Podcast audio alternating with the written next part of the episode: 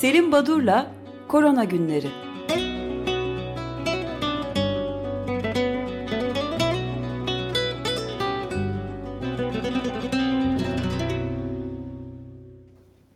Günaydın Selim Badur, merhabalar. Günaydın, günaydın efendim. İyi haftalar. Günaydın. Günaydın, günaydın Özdeş, günaydın Feryal.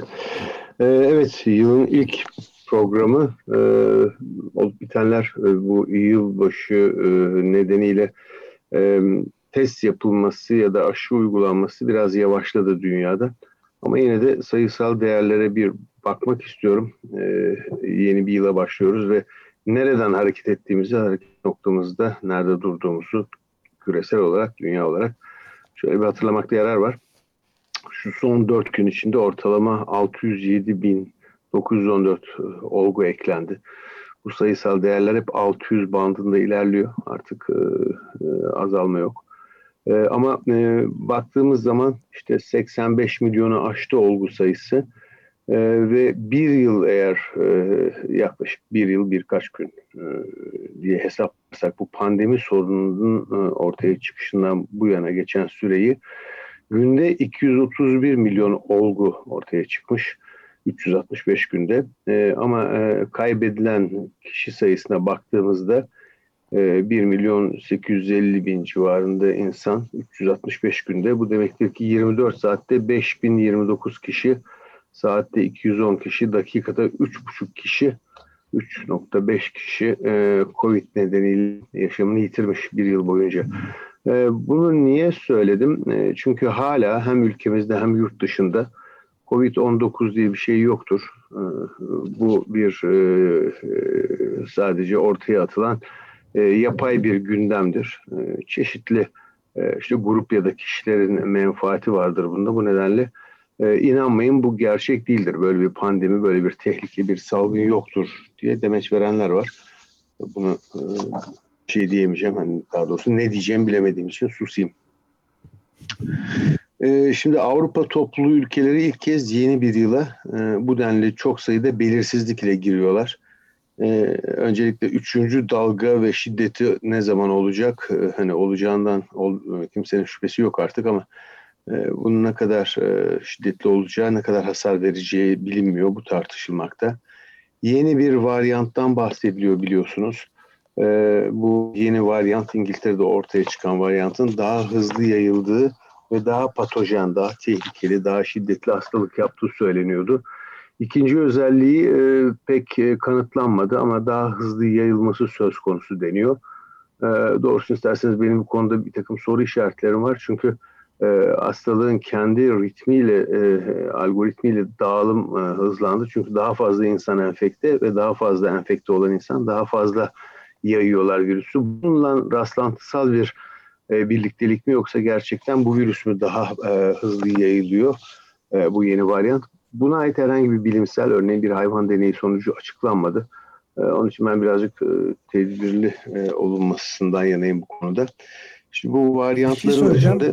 varyant e, demek mutasyonlu virüs. Ya evet mutasyon evet şöyle mutasyon dediğiniz zaman e, oluşan e, genomunda oluşan değişim farklılaşma virüsün davranışında bir farklılığa yol açar.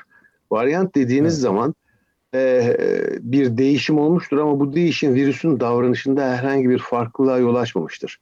Zaten bu tanımlamayı kullanarak buna mutant değil de varyant demekle e, söz konusu e, farklılaşmaların e, virüsün davranışını değiştirmediği de hani tanımlamada vurgulanmış oluyor. Ama evet. daha da ilginci e, Dünya Sağlık Örgütü e, dün bir açıklama yaptı. Dedi ki şu anda dedi dünyada dört farklı e, SARS-CoV-2 virüsü var dedi. Bunlardan bir tanesi yaz aylarında saptanan aslında e, Şubat 2020'de ortaya çıktığı sonradan gösterilen bu 614. bölgedeki bir e, farklılaşma. E, bu e, orijinal ya da ilk virüsün yerini almıştır. Yani 614. bölgede bir değişim olan virüs şu anda bütün dünyada dolaşmaktadır. Bu birinci virüs diyor. İkincisi Danimarka'da bu çeşitli hayvan çiftliklerinde, samur çiftliklerinde ortaya çıkan ve insan için tehlike olabileceği varsayımıyla çok hayvanın katledildiği daha doğrusu etkisiz hale getirildiği e, hayvanlar vardı. Onlardan izole edilen Cluster 5 denilen bir e, virüs var. Ama bu virüsün e, uzun süre e, insanlarda immün sistem ilişkisi tartışıldı, korkuldu. Çok da büyük bir önem arz etmediği gösterildi. Yani daha tehlikeli değildi insanlar için. İkinci varyant bu. Üçüncüsü 14 e, Aralık'tan itibaren hani e, her yerde konuşulan İngiltere'deki SARS-CoV-2 VOC 2020-1201 varyantı. E, bunun daha kolay bulaştığına dair görüşler var. Dördüncü ve son varyant ise 501. bölgede bir değişim olan ve 18 Aralık günü Güney Afrika'da saptanan değişim. Yani kısaca Dünya Sağlık Örgütü e, şu an için günümüzde 2020'nin ilk günlerinde e, bu e, virüsle ilgili dört tane varyantın dolaşımda olduğunu e, bildirmekte. Şimdi e, Avrupa'da işte üçüncü dalgadan bu yeni varyantın ne yapacağından e, korkuyor, tartışıyor demiştim. Bütün Avrupa topluluğu, Avrupa Birliği ülkeleri e, ekonomi ve sosyal dokunun bu baskıya daha ne kadar dayanacağını tartışıyorlar kara kara. Çünkü e, verilerin e, verilere bilimsel verilere dayanılarak e, yapılan analizler sonucu birçok ülke yine Ocak ayına e, önlemlerini arttırarak girmekte. Fransa'da birçok bölge ki 6 milyonu kapsayan bir e, alan e, saat 18 sonrası so- sokağa çıkma e, yasağını başlattı. Bangkok'tan Atina'ya kadar birçok kentte bu kısıtlamalar artmakta. E, Japonya'da rekor olgu bildirildi. Tayland ve Avustralya yeniden önlemler almaya başladı. Ee, ve e, bugün e, e, için belki hani gülümsetecek iki haber. Bir tanesi bir Fransız şirketi kullanılıp atılan ve çevre kirliliğine yol açan maskelerin yeniden kullanıma kazandırılması için ki şirketin adı Terra Cycle e, bir takım çalışmalar, projeler başlattı. Çünkü günde iki e, maske üzerinden e, günde 400 ton e, plastik atık e, ortaya çıkıyormuş. E, toplanan bu maskeler özellikle bu e, içinde küçük demir çubuğu olan işte kumaş ve plastik kısımları olan maskeler e, okullarda kullanılabilecek bir takım geometrik araçlara ve askılara dönüştürülecekmiş. Proje bu. Bu iyi bir şey. Önemli bir şey. Bir diğeri de e, da e, ilginç bir e, yaklaşım. Koleksiyoncular başlamışlar. Bu dönemin anısına kullanılmış maske, kısıtlamalarla e, çekilmiş fotoğraflar ve izin kağıtları hatırlayacaksınız. Bir takım Avrupa ülkelerinde sokağa çıkmak için bir izin belgesi isteniyordu. Bunların koleksiyonlarını yapmaya başlamışlar. E, böyle bir koleksiyonculuk e, gelişmiş. Tabii Afrika 2020'de hem garip hem de belki de bir açıdan sıradan bir yıl yaşamış oldu. Çünkü ekonomiyi alt üst eden bir pandemi olgusuyla karşılaştılar. Afrika'da ilk olgu geçen sene 14 Şubat'ta Mısır'da çıkmıştı. Toplam 54 ülkede bir yıl sonunda 65 binden fazla insan yaşamını yitirdi. Bunun yanı sıra Afrika'da hani sıradan dediğim olmaması gereken işte Mali'de darbe, seçimlerde kaos, Burkina Faso, Togo, Etopya'da Eritre'nin bölgesinde, Eritre bölgesinde çıkan çatışmalar, Sudan'a kaçan 50 bin kişiden fazla insan. Mozambik ve Nijerya'da bazı ülkelerde cihatçı grupların daha çok okul ve sivil toplum örgütlerine hedef alması ama bunları daha çok herhalde yarın Ahmet İnsel'le belki Afrika değerlendirmesinde ele alırsınız. Ee, haberlerle ilgili bir de İsveç'e ait bir bilgi vereyim. Ee, İsveç utancı diye bir kavram ortaya açıldı. Scam e, İsveççe utanç demek. Şam. Şem. Şam. Şey Ama işte şem. Şem. Teşekkür bilgi için. 2019'da Fly Sham e, çevre kirliliğine neden olan uçakların kullanılmaması ile ilgili böyle bir kavram aşılmıştı. Ama 2020'de bu kavram Korona Şem. Korona utancı haline dönüşmüş. Tüm süreç sonunda e, komşularına oranla başlangıçta her şey daha iyi gidiyor. Aman da ne özgür ülke yaklaşımları da ne kadar e, özgür deniyordu. E, bu süre sonunda Danimarka'nın 4,5 misli, Finlandiya'nın 9 misli, Norveç'in 11 misli ölüm ortaya çıkmış İsveç'te. Ee, e, tabii farklı ve garip şeyler oluyor. Bu ülkeler arasında, Skandinav ülkeler arasında hani pasaportsuz geçiş oluyormuş e, sınırlardan. Ama e, şimdilik e, biliniyor ki İsveçli, İsveç'te yaşayan 14 bin kişi yaklaşık her gün çalışmak için Norveç'e geçerlermiş. Artık bu kişiler bırakın pasaportsuz geçmeyi e, bir merkezde her hafta test yapmak zorundalar, yaptırmak zorundalar. Bir takım gariplikler, bir takım yeni uygulamalar e, ve buna adapte olmaya çalışan bir toplum var. Şimdi aşılamalar ve aşı çalışmaları süratle e, uygulanıyor. 3 Ocak yani dün akşam itibariyle dünyada 12.3 milyondan fazla aşı uygulandı. Bunun 4,5 milyonu Çin'de, 4.23 milyonu Amerika Birleşik Devletleri'nde, 1.1 milyonu İsrail'de, işte 944 bin İngiltere'de, sonra Rusya, Almanya'ya geliyor, İtalya, Kanada, Bahreyn, Danimarka ondan sonra diğer ülkeler. Ama doz başına daha doğrusu nüfusu oranla bakarsanız her 100 kişide kaç kişi bir ülkede aşılandı diye birinci sırada çok büyük açık arayla yani diğer ülkelerin 3-4 misliyle 100 kişi yurttaşından 13'ünü e, aşılayan İsrail geliyor. İsrail çok başarılı bir şekilde ve yoğun aşılama kampanyasını sürdürüyor. 100 e, kişiden 100 İsrail'den 13'ü aşılanırken ikinci sırada Bahreyn geliyor. 100 Bahreynlinin 4'ü e, sadece açıklanmış yani 13 İsrailli aşılanırken ikinci ülke 4 kişiyi aşılayan Bahreyn.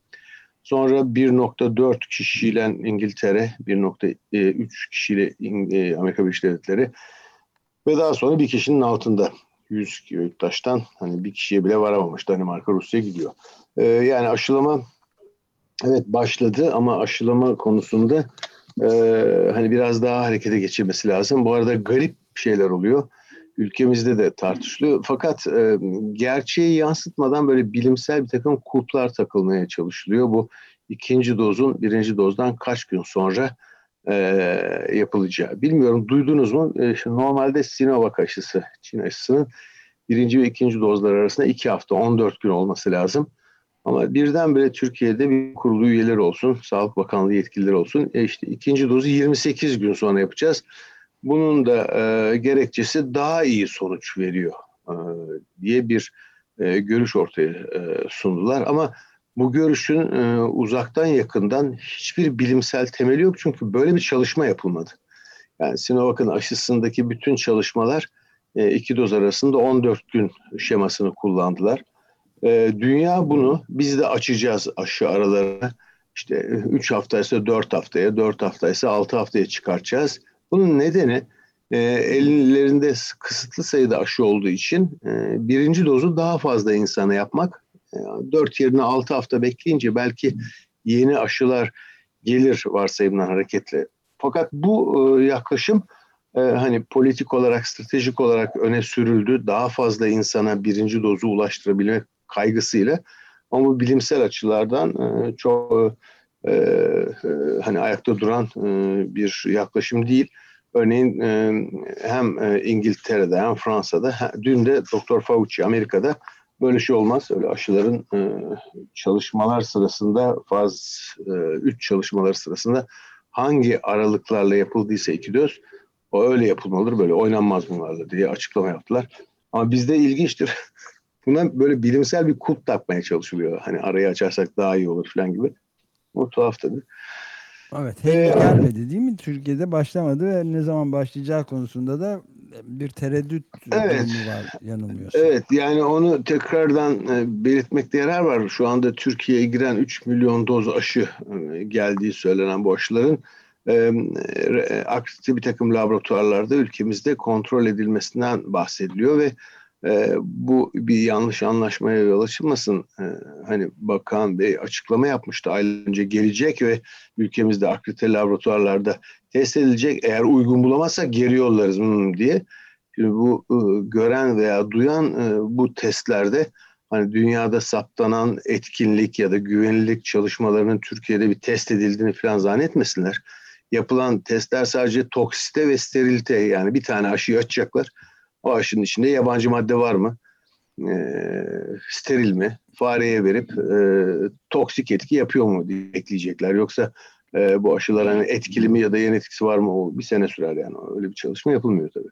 E, sanıyorum 10 gün içinde o çalışmalar biter. Bu sterilite ve toksite çalışmaları ve ondan sonra e, nasıl bir uygulama yapılacaksa şimdi ben inaktif aşının hani uygun olacağını söyleyen bunu savunan hani bilimsel olarak immünolojik olarak hangi gerekçeyle bunu söylediğimi de belirten bir kişiydim ama örneğin e, Brezilya daha açıklamadı sonuçlarını ve e, Sinovac aşısının 60 yaş üzerindeki e, bireylerde e, uygulamasına ait hiçbir bilimsel veri yok.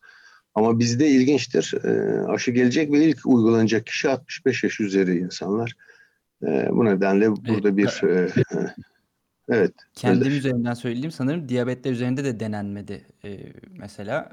Ben de merak evet, ettim. Evet, evet, evet. Yani bu, bu tip e, konuların hani e, iki doz arası ya da yapılan testler ya da kime uygulanacağı, neden uygulanacağı hani 65 yaş üzerine denenmemiş bir aşının ilk ülkede uygulanacak e, kesimi 65 yaş üzeri diye açık etmek. E, bunun herhalde bir bilimsel temeli vardır ama en azından bunların tartışılması, açık açık konuşulmasına yarar var. Bunlar hiç e, söylenmeden biz ne iyiyiz, ne başarılıyız falan deniyor ki e, pek öyle başarılı falan olduğumuzda yani bunu da artık hani utanmadan söyleyeyim bari. Yani e, dünyada sağlık çalışanlarını kaybeden birinci sıraya geldik neredeyse yani. Bu kadar çok sağlık çalışanı ölmez bir ülkede. E, bakıyorsunuz ülke çapında önceki 5 yılın ortalamasına göre 60 binden fazla ölüm var toplam. E bunu neyle açıklayacaksınız? Yani başka nedenlerle mi açıklayacaksınız? Hepsi birden bu sene mi ortaya çıktı? Nedir bu nedenler bilmiyoruz. E bir gecede bir milyondan fazla vakanın gösterildiği gibi yalan dolan açıklamalar yapıldı. Yani daha fazla bizim olduğumuzdan beri. E, virüsü sekanslıyoruz. İngiltere'deki varyantı takip ediyoruz. E, bu üniversitelerde e, bu sekanslama çok rahatlıkla yıllardan beri deneyimli arkadaşlarımız tarafından yapılıyor. E, üniversitelerin bu testleri, bu dizi analizlerini yapmaları yasak, uygun bulunmuyor. Ee, neden? Çünkü e, başlangıçta o dizi analizleriyle Türkiye'deki büyük moleküler biyoloji laboratuvarları virüsün Arabistan ya da İran köken dediler. Hayır biz istiyorduk ki o muhakkak Avrupa gelmiş olsun bize. Yani bu tip e, böyle e, gariplikler var. Tabii bütün bu gariplikler, belirsizlikler, net ve şeffaf olmayan açıklamalar sonucunda nereye geldik biliyor musunuz? Ipsos'un yaptığı çalışmalarda %26'sı Türkiye'de toplumun ya da ankete katılanların aşı yaptırmam ben diyordu. E, dün e, evvelci gün açıklandı Metropol'ün yaptığı açıklamada aşı yaptıracağım diyenlerin oranı yüzde 51.5. Siz yüzde 49'u ülkenin aşı yaptırmam ya da aşıya sıcak bakmam diye e, e, eğer e, yaklaşımınız e, dillendiriyorsa e, bu ülkeden e, hani aşı şöyle mi böyle mi diye tartışıyoruz da bu oranda bir aşılamayla zaten o pandemi falan bitmesi söz konusu olmaz. Biz 2021'de hangi ay maskeleri çıkaracağız deniyordu. Siz birazcık 2022'yi 23'ü falan düşünün derim. Ondan sonra da bana Şahika hocam sen çok karamsarsın diyor ama yani dediklerimiz çıkıyor. Yani, ben de bir şey ekleyeyim izninizle. Yani halk evet. sağlığı uzmanı Profesör Doktor Kayıhan Pala da Bursa Tabip Odası'nın başlattığı Sağlık Gündemi podcastinde koronavirüs salgın sürecini değerlendirmiş ve sadece Bursa'yı ele alıyor. Ee, İtalya'dan daha yüksek bir orana sahip olduğunu belirtmiş Bursa'nın mesela. Eğer Bursa bir ülke olsaydı Belçika'dan sonra hemen ikinci sıraya yerleşmiş olacaktı diye son derece e, kaygı verici, karamsarlığa insanı itebilecek bir açıklama yapmış. Ee, böyle e, yani yakın gelecekte çok e, parlak bir e, başarı beklenmediğini de buradan çıkarsama yoluyla çıkarabiliriz belki. Ne diyorsunuz? milyon kişi başına evet, düşen yani, ölüm oranı olarak hesaplamış bunu tabii. Yani e, Kayan Hoca çok e, saygın, çok güvendiğimiz ve çok e, epidemioloji, sağlığını ve statistiği iyi bilen bir öğretim üyesidir. E, biliyorsunuz Temmuz ayında da söylediklerinin nedeniyle başı ciddi olarak e, derde girmek üzereydi. Allah'tan Uludağ Üniversitesi soruşturmaya gerek olmadığını belirtti.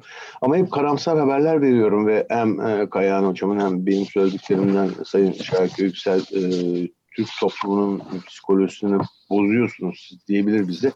İyi haber vereyim o zaman Şahika Hoca'ya.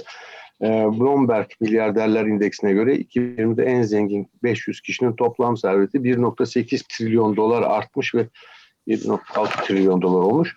Türkiye'de yansımış bu. Sabancı Holding 2020 yılının 3. çeyreğinde ilişkin finansal e, sonuçlarını, e, durumunu açıklayınca net karını %69 arttığını, Koç Holding ise %94 arttığını söylemiş. Yani her şey kötü değil hocam. Gördüğünüz gibi e, sevindirici haberler var holdinglerden. Evet ben de şeyi ekleyeyim. Gezegendeki 500 en zengin insan 1.8 trilyon büyük TL e, dolar e, ortak varlıklarına eklemişler 2020 içinde.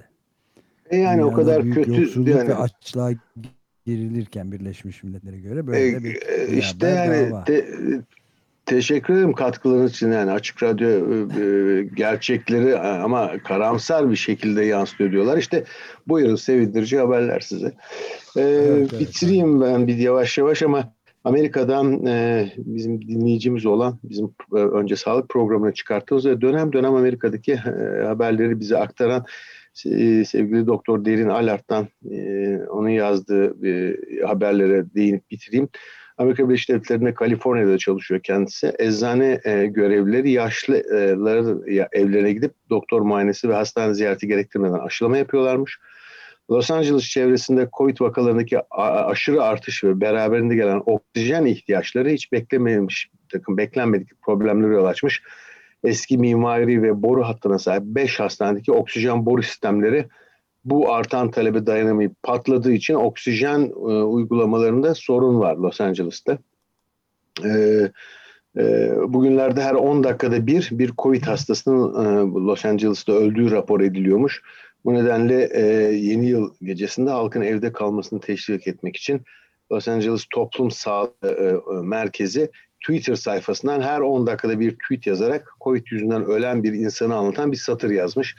Ee, böyle garip garip uygulamalar oluyor. Son bir haberde Wisconsin eyaletindeki bir eczacı içinde 550 adet e, Moderna aşısı e, içeren bir kutuyu buzdolabı dışında uzun süre tutup kullanılamaz hale getirmiş. E, suçun nedeni bilinmiyor ama eczacı bunu kasten yaptığını açıklamış. Gülümseten bir haber yine de Şahik Hocam olsun. Bugün kendisini çok kulağını. Yale Üniversitesi'nden 2009'da Time dergisinin dünyadaki en etkili 100 kişiden biri olarak seçtiği Doktor Nicholas Christakis pandemiden sonra hedonizm salgını yaşanacak demiş. E, açıklaması şöyle pandemiden sonra toplumu yoğun cinsel istek, kutsal değerlere saygısızlık ve müsriflik bekliyormuş. Bilmiyorum bu iyi haber mi kötü haber mi diye değerlendirirsiniz ama ben Tabii ki. Bunu, bu, bunu ortaya atıp kaçayım. Size iyi yayınlar efendim. Çok teşekkür ederim. ben de şey ekleyeyim. Wuhan'da yılbaşını binlerce insan sokaklarda kutlamış. Çin'in Wuhan şehrinde büyük kalabalıklarla kutlanmış. Peki iyi yayınlar yaptılar. Çok teşekkür Teşekkürler. Sağ ol. Sağ ol.